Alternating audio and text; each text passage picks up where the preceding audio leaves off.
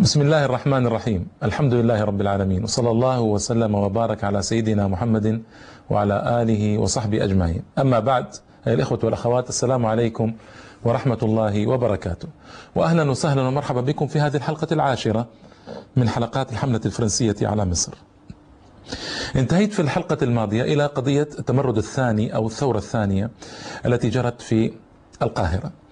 وكيف صدها كليبر بوحشية هائلة وقتل من أهل بولاق العدد الضخم جدا. وبعد الثورة وبعد هدوء الأوضاع أهان المشايخ إهانة شديدة للغاية ورفض مقابلتهم في الديوان. وسجن الشيخ السادات الذي كان له وقع كبير في نفوس الناس في مصر وألزمه بغرامة هائلة جدا. وكان يضرب صباحا ومساء يعني في الشيخ في الثامنة والستين. وهو من هو؟ وهو من أعضاء الديوان منذ أيام نابليون. وهو يعني كبير القدر وعظيم الرفعة يضرب صباحا ومساء وزوجه تشاهد وتصيح زوجه يأتون بزوجه تشاهد ضربه وتصيح كل هذا من أجل الغرامة المالية حتى يؤديها لأن بأنه كان يتزعم الثورة. وهذا واجب المشايخ واجب المشايخ أن يجاهدوا في سبيل الله واجب المشايخ أن يتصدوا للكفار واجب المشايخ أن يسوقوا الشعب وأن لأن ما هناك حكومة تسوق الشعب فهناك مشايخ هم الذين يعني يقودونه ويوجهونه إلى آخره. ألا هذا الذي حصل تزداد النقمة الشعبية بقوة لكن الشعب كان في أضيق حالاته. الغرامة التي كلف بها الشعب عشرة آلاف ألف فرنك يعني عشرة ملايين فرنك. غرامة ضخمة جدا على الشعب آنذاك. البيوت مهدمة الأوضاع صعبة الحرائق تلتهم البيوت. يعني يعني منظر منظر شديد على النفوس جدا. فما كان الشعب يستطيع أن يفعل شيء للسادات ولا لغير السادات. هنا جاء طالب حلبي من حلب اسمه سليمان الحلبي. هذا سليمان رحمة الله تعالى عليه كان في الثالثة والعشرين وكان طالبا في الأزهر. أسر إلى أربعة أشخاص في الأزهر كلهم من أهل الشام. أسر لهم بأنه يريد أن يقتل كليبر. وفعلا أعد خنجرا لهذا وتعقب كليبر حتى رآه يدخل بيت محمد الألفي في الأزبكية وهو مقر القيادة الفرنسية وجاء إليه على هيئة طالب حاجة وأخذ يده اليسرى يقبلها. وكعادة طلاب الحاجات. فلما استلم يده أخذ السكين وضربه أربع ضربات. ضربة في السرة وضربة في الكبد وضربة فوق القلب وضربة في الرأس. كليبر هنا سقط وصاح. جاء مرافقه كان معه مرافق يمشي كان متقدما عنه قليلا أنه تركه يعني يرى ما هي حاجة هذا الرجل. يجري فضربه أيضا ست ضربات تقريبا. ثم إن سليمان الحلبي انعزل في مكان ينتظر قدره. جن جنون الفرنسيين ونادوا بالطبول في القاهرة وحسبوا أن هناك ثورة وأرادوا ونادوا بذبح أهل مصر جميعا. هكذا نادوا في بطبولهم. حتى وعملوا تفتيشا كبيرا في البيت وجدوا هذا سليمان الحلبي جالس ومعه الخنجر ومستسلم لقضائه وقدره. هنا عملت له محاكمة وأخبر أنه أخبر فلان وفلان أربعة أشخاص بالغرض فأتوا بهؤلاء الأشخاص وعملوا لهم محاكمة وحكموا على أربعة ثلاثة منهم بقطع الرؤوس لأنهم لم يخبروا السلطة الحاكمة بغرض سليمان الحلبي. حكموا على الرابع بالخازوق والخازوق من أسوأ الأنواع القتل. نسأل الله السلامة أن يدخل عمود من دبره ويخرج من أي مكان من رأسه من عينه من صدره من أي مكان. وحكموا على سليمان الحلبي أن يرى هذا المشهد أولا مشهد أربعة ثم تحرق يده اليمنى ثم يخوزق. العجيب أنه في أثناء التحقيق كان بدأ هادئا وهادئا لأبعد الحدود حتى اتهم المحقق بالجنون. لكن هذا الرجل عمل هذا لأجل الله تعالى إن شاء الله وأراد به وجه الله تعالى. ولا يمكن أن يظهر أي مظاهر ضعف تنتهي به إلى الشماتة من قبل الأعداء. وهكذا هم أبطال المسلمين أبطال عظماء. هذا رجل حلبي ليس مصريا. وبهذا رفع عن المصريين العذاب. لو كان مصريا لكان هناك عذاب آخر كبير للشعب المصري. لكن لما كان حلبيا وتحققوا في تحقيقات أن ليس لأهل مصر أي منهم أي صلة بهذا الذي جرى. هذا يدلنا على أن المسلمين جسد واحد أيها الإخوة. ما هناك فرق بين شامي ومصري وحجازي ويمني وكل المسلمين وحدة واحدة. وهذا طبعا يعني حكم عليهم بهذه الأحكام شاهد سليمان حالي ما جرى ثم فعل به هذا الحكم. آه، نسأل الله أن يقبله في الشهداء وأن يرفعه إلى أعلى درجة. رحمة الله تعالى عليه. وبمناسبة سليمان الحلبي بالمناسبة أذكر يعني ردود فعل العالم العربي كان صح هذا التعبير آنذاك ما كان اسمه عالم عربي لكن ردود الفعل التي جرت عندما سمعوا بنزول الفرنسيس آه، كما كانوا يسمون آنذاك إلى مصر. أما المغرب فوجد فيه رجلان عظيمان. رجل دخل إلى مصر فعلا آه، كلاهما دخل مصر دخل مصر لكن رجل حجازي مغربي حجازي ومغربي أتى من المغرب. أما المغرب الذي أتى من المغرب هذا يعني أمره عجيب لأنه قاتل في دمنهور بقوة. وظهر في القاهرة في الثورة الثانية بقوة وكان يحرض على الفرنسيين وهذا سبحان الله من العجائب. يعني يأتي رجل من المغرب ليقاتل في مصر هذه المقاتلة الرائعة والقوية. أما قصة قصة المغربي الحجازي رائعة. نريد أن أذكر لكم بعض المقاطع. يقول جبرتي دخلت سنة 13 و200 وألف وفيها قام في البلدة الحرام بوظيفة الدعاء إلى إقامة شعار سنام الإسلام. يعني الجهاد. محمد المغربي الجيلاني الهاشمي. لما وردت الأعلام بما صنعه الكفرة اللئام من الهجوم على ساحات مصر وتصدر بالحرم الشريف يعني المغربي هذا فالتف عليه خلائق واستمعوا إرشاده إلى أنهج الطرائق وفعل دعاه بالقلوب ما فعل وتسامع الناس بأخباره فوردوا إليه وبذلوا نفوسهم وأموالهم بين يديه. وكانت النساء تأتي فتستمع ما يمليه من أحاديث الحض على الجهاد فيلقين إلى الحلقة اللي فيها هو ومن معه فتخاتهن. يعني فتخات الخواتم تكون في اليد وكذا وعقودهن وملبوسهن ويقولن ذلك الذي علينا. فاجتمعت عنده أموال واسعة ووردت إليه المتطوعة من البلاد الشاسعة فسار بهم لمناجزة أعداء الله الفرانسة. فكان من خبره ما قصصناه لكن يقول يأتي يقول أعانه في الحرمين محمد باصلاح الحضرمي هنا تأتي الوحدة الإسلامية الاجتماع الإسلامي. محمد باصلاح الحضرمي بين تصدق في سبيل الله ب 500 بندق صغار مغربية و200 حربة من حراب الشام و200 سيف و400 كيس حبوب رز و2000 نعل ينتعلها فقراء المجاهدين. ومنهم الشيخ عبد الرحمن العسيري وفي رواية الغزي آه، جهز ثلاث سواعي أي سفن يركبها المجاهدون وملأها لهم بميرة يعني مؤن. ومنهم الشيخ أحمد فاس جهز دواوين في سبيل الله. ومنهم الشريف غالب ابن مساعد حاكم مكة جهز خمس سواعي في سبيل الله. ومن أهل ينبع محمد أبو العسل جهز سفينة وثلاث سفن أخرى من أهل ينبع تجهزت يعني. فسير السيد جيلاني جماعة المتطوعة من جدة في تلك السفن فكان نحو من أربعة آلاف. ثم سار ناحية المدينة المنورة فمر بأهل رابغ وخليس فدعاهم فأجابوه وبذلوا أموال واسعة وسار إلى بدر فأنالوه وخرج منه جماعة متطوعة وكان له وكلاء يجمعون الأموال. ثم نزل بالصفرة فدرس بها ودعا إلى الجهاد. الصفرة هي قبائل شيعية زيدية قريبة من المدينة. فجاءوه بأموال واسعة. فقال له بعض العوام إنهم زيدية. فقال قد زادهم الله عليكم فضلا. يعني فإني قد وجدتهم يدفعون أموالهم في سبيل الله وقبضها منهم. وسار إلى المدينة وتسلم من أهلها في المدينة المنورة على ساكن أفضل الصلاة والسلام. تسلم من أهله أموالا جزيلة. وخرج من المدنيين 300 متطوع الله أكبر. فنزل بالجميع إلى ينبع. وجاءوا الخبر بأن المتطوع من ديار مكة قد مرت مراكبهم يعني مشوا فحمد الله وسار. وكان السابقون قد خرجوا إلى ريف مصر وعليهم السيد حسن الجيلاني والسيد طاهر فنزلوا بقنا يعني في الصعيد. فقيل لهم أن النصارى بمدينة سمهود قريبة منكم فخرجوا نحو النصارى واقتتلوا. وكانت دائرة يومئذ عليهم يعني انهزم المسلمون. ففروا إلى قنا فحصرتهم النصارى. وكلام كلام طويل ومدينة أبنود ومرسى أبانود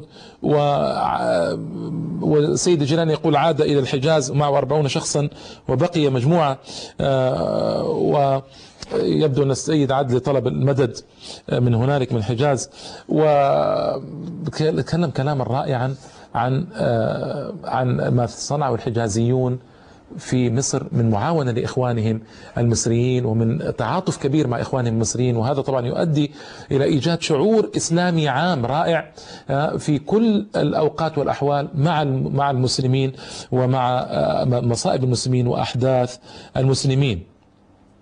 آه، اسمعوا أيضا. وفي شوال سنة 1213 توفي محمد ابن عابدين ابن محمد حياة السندي.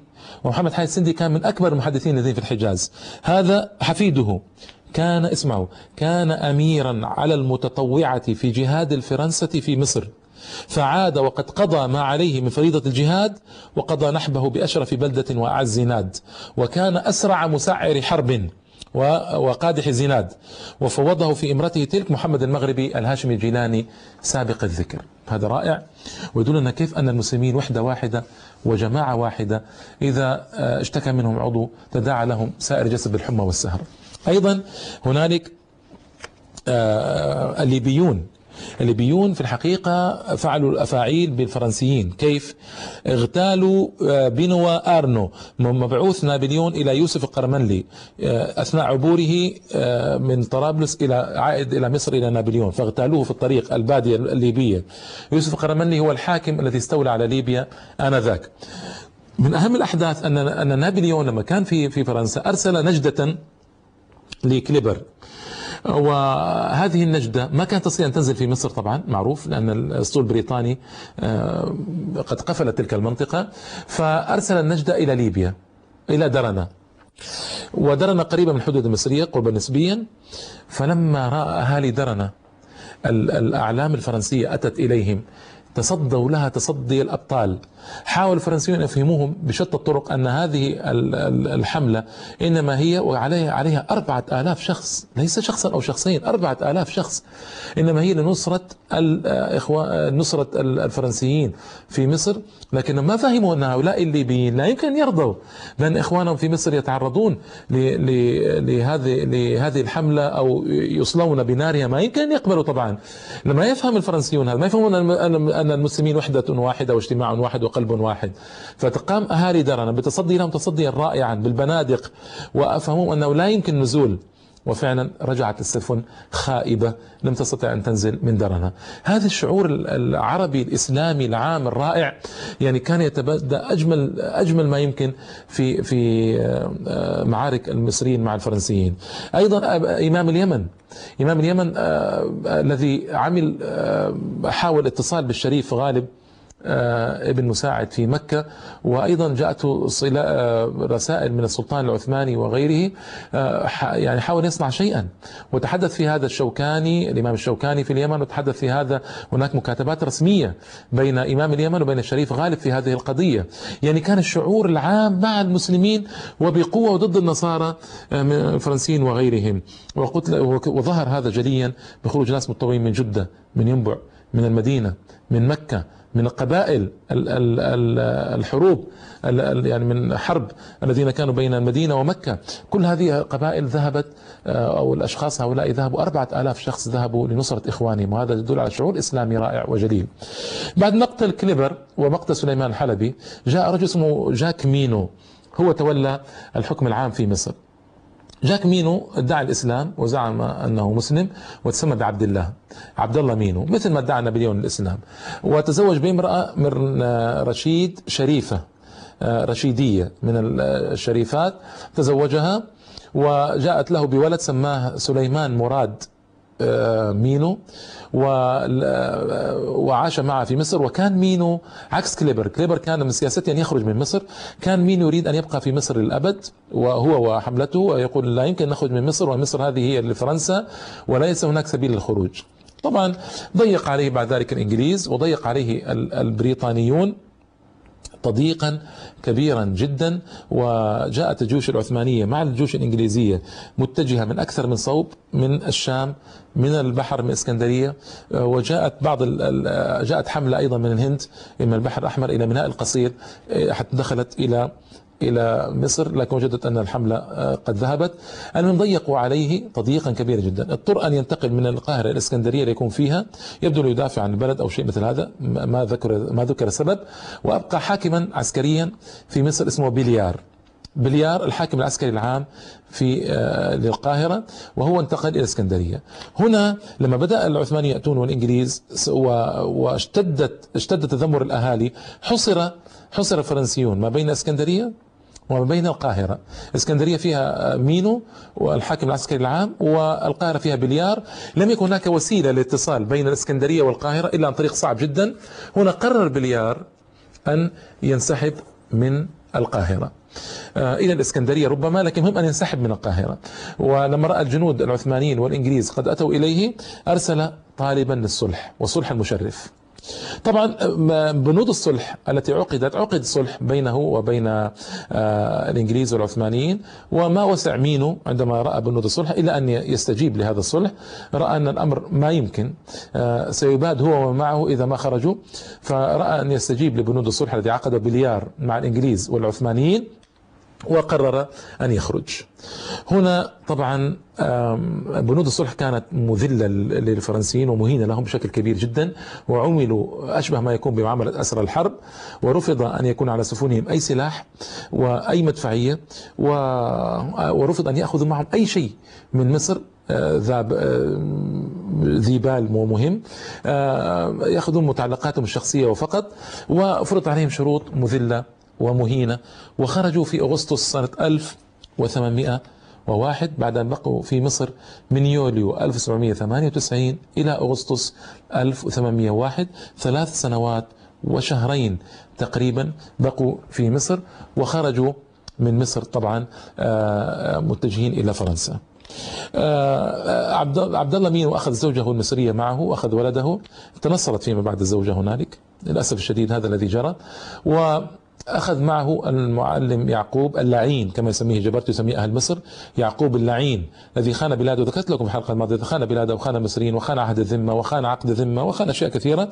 هذا يعقوب اللعين يعقوب فام اسمه القبطي ذهب مع الفرنسيين وسرعان ما مات وهلك في آه، السفينة التي ذهبت بهم. واحتراما له وتقديرا لجهوده مع الفرنسيين يعني ومن حزب فرنسا. آه، ما رموه في البحر بل انتظروا إلى وصلوا إلى فرنسا. آه، وخرج معهم جماعات من حزب فرنسا كما يقال اليوم. وكثير كثيرات من النساء اللواتي بقين و وما بهذا انتهت الحملة الفرنسية على مصر. انتهت وبقي فيها العثمانيون وبقي فيها الإنجليز برهة من الزمان وسأذكر ماذا جرى بعد ذلك؟ يعني ماذا جرى بعد آه، خروج الفرنسيين؟ كيف حكمت مصر؟ ماذا جرى إلى حملة فريزر آه، البريطاني آه، في 1807 ست سنوات بعد خروج الفرنسيين ثم تولية محمد علي؟ كل ذلك سأذكره إن شاء الله تعالى في حلقة الحملة البريطانية الأولى والثانية على مصر بعد أن أسرد على أسمائكم الكريمة الحملة الفرنسية على الجزائر وما جرى فيها. لن أسلك ترتيبا زمنيا وربما أقدم حملة فريزر الأولى لكن في النهاية سأذكر هكذا الترتيب سيكون. حملة فريزر ثم الحملة الفرنسية على الجزائر ثم أعود إلى الحملة البريطانية على مصر. آه، آثار الحملة. في الحقيقة الحملة هذه كان لها آثار وآثار كبيرة. وكبيرة جدا. آه، يعني أنا أريد أول هذه الآثار الذي جرى آه، الانفصام في الشعب المصري. يعني كان آه، أهل الذمة في مصر كما يقال أو يسمون أهل الذمة في مصر بقوا قرونا في مصر محترمين. مبجلين لهم حقوقهم لهم أوضاعهم. وإلا ما بقوا في مصر. يعني اليوم عندنا في مصر خمسة ستة ملايين قبطي. لو لم يعاملهم المسلمون أحسن معاملة. ولم لو لم يحموهم في كل الأحوال والكوارث والحروب لما بقى في مصر اليوم قبطي. فبقاء الأقباط في مصر إلى الآن بهذه الأعداد الهائلة دليل على أن المسلمين أحسن معاملتهم إحسانا لا مزيد عليه في الحقيقة. فحصل شرخ كبير بسبب ما عاناه المصريون من تحكم أهل الذمة فيهم في, في أيام بقاء الفرنسيين. وكانت هنالك أحوال يشيب لهولها الولدان. شارك فيها للأسف أهل الذمة. هو كل أهل الذمة؟ إنصافا بعض أهل الذمة. لكن هذا أدى إلى شرخ في المجتمع المصري. وأدى إلى عدم اطمئنان من قبل المجتمع المصري أن هؤلاء ماذا يصنعون بنا؟ هؤلاء يحاولون طعننا من الخلف. هؤلاء فعلوا بنا الأفاعيل. هؤلاء وهؤلاء. بارتلمي وعبد العال مصري تنصر وبارتلمي اليوناني والشوام النصارى و اليونان النصارى أهل الذمة في البلد المصريون النصارى يعني فعلوا بهم أفاعيل. وكانوا ينادون بذهاب دين الإسلام في الأسواق وكانوا ينادون بتشجيع الفرنسيين ويتداخلون فيهم ويدلونهم على عورات المسلمين. وكان الفرنسيون يستعملونهم في جباية الأموال من المصريين والفلاحين وأهل الصعيد وبقوة ويعني الوضع صعب. وكانوا يركبون على خيولهم ويستهزئون ويؤذون المصريين أثناء مرورهم بالأسواق فعلوا الأفاعيل. فعلوا الأفاعيل نعم ليس كل أهل الذمة فعلوا ذلك إنصافا لكن طائفة وطائفة كبيرة منهم فعلوا ذلك. والإنصاف أيضا أن المسلمين كانوا يحمون كثيرا من النصارى في أوقات الأزمات والثورات فلا يسمحون للعامة أن يفتكوا بالنصارى. وكانت العامة تحاول أن تفتك بالنصارى جميعا في الثورة في الثانية بالذات. والذي حماهم بفضل الله تعالى هم المسلمون. وهذا يدلك على أن المسلمين يعني قوم عندهم مبادئ رائعة جليلة عظيمة لا يسمحون بانخرام هذه المبادئ. ولو في أوقات الصعوبات ولو أن أهل البلاد من النصارى قاموا ضد المسلمين لكن المسلمين لا يعرفون مخالفة الشرع وإيذاء أهل الذمة على النحو الذي يفعله آه، خصومهم وأعدائهم وهذا يدل على جمال وروعة التشريع الإسلامي وجمال وروعة روح المصريين الذين كانوا آنذاك. أكبر حماة أكبر حماة للنصارى في مصر هم كانوا المصريين. وهذا بفضل الله تعالى و يعني هذا هذا هذا الأثر الأول. الأثر الثاني في الحقيقة وهو أثر مهم هو أن هنالك مجموعات من الناس آه، تأثرت بما رأت من الفرنسيين. يعني من الفساد الفرنسيين الذي ذكرته بما فيه الكفاية لا أعيده. شربهم الخمور ووضع النساء التهاون في الشرائع تأثروا بهم. وتكون ما يسمى بحزب فرنسا. حزب فرنسا هذا هو الذي سيؤدي بعد ذلك بمرور الزمان إلى إنهاء حكم الشريعة في مصر إلى الاستخفاف بالإسلام الكبير الذي جرى في مصر إلى انتشار مظاهر الفساد التي جرت بعد ذلك في مصر سواء في الحملة الإنجليزية الأولى أو الثانية أو ما جرى من محمد علي وخلفائه. أشياء أشياء كثيرة جدا. كان كان يحمل تبعة هذه المسألة السيئة هو وجود القوات الفرنسية في مصر ثلاث سنوات وشهرين وعودتهم إلى بلادهم وخروجهم آه، إلى بلادهم كان خروجا له آثار كبيرة. والسلام عليكم ورحمة الله وبركاته.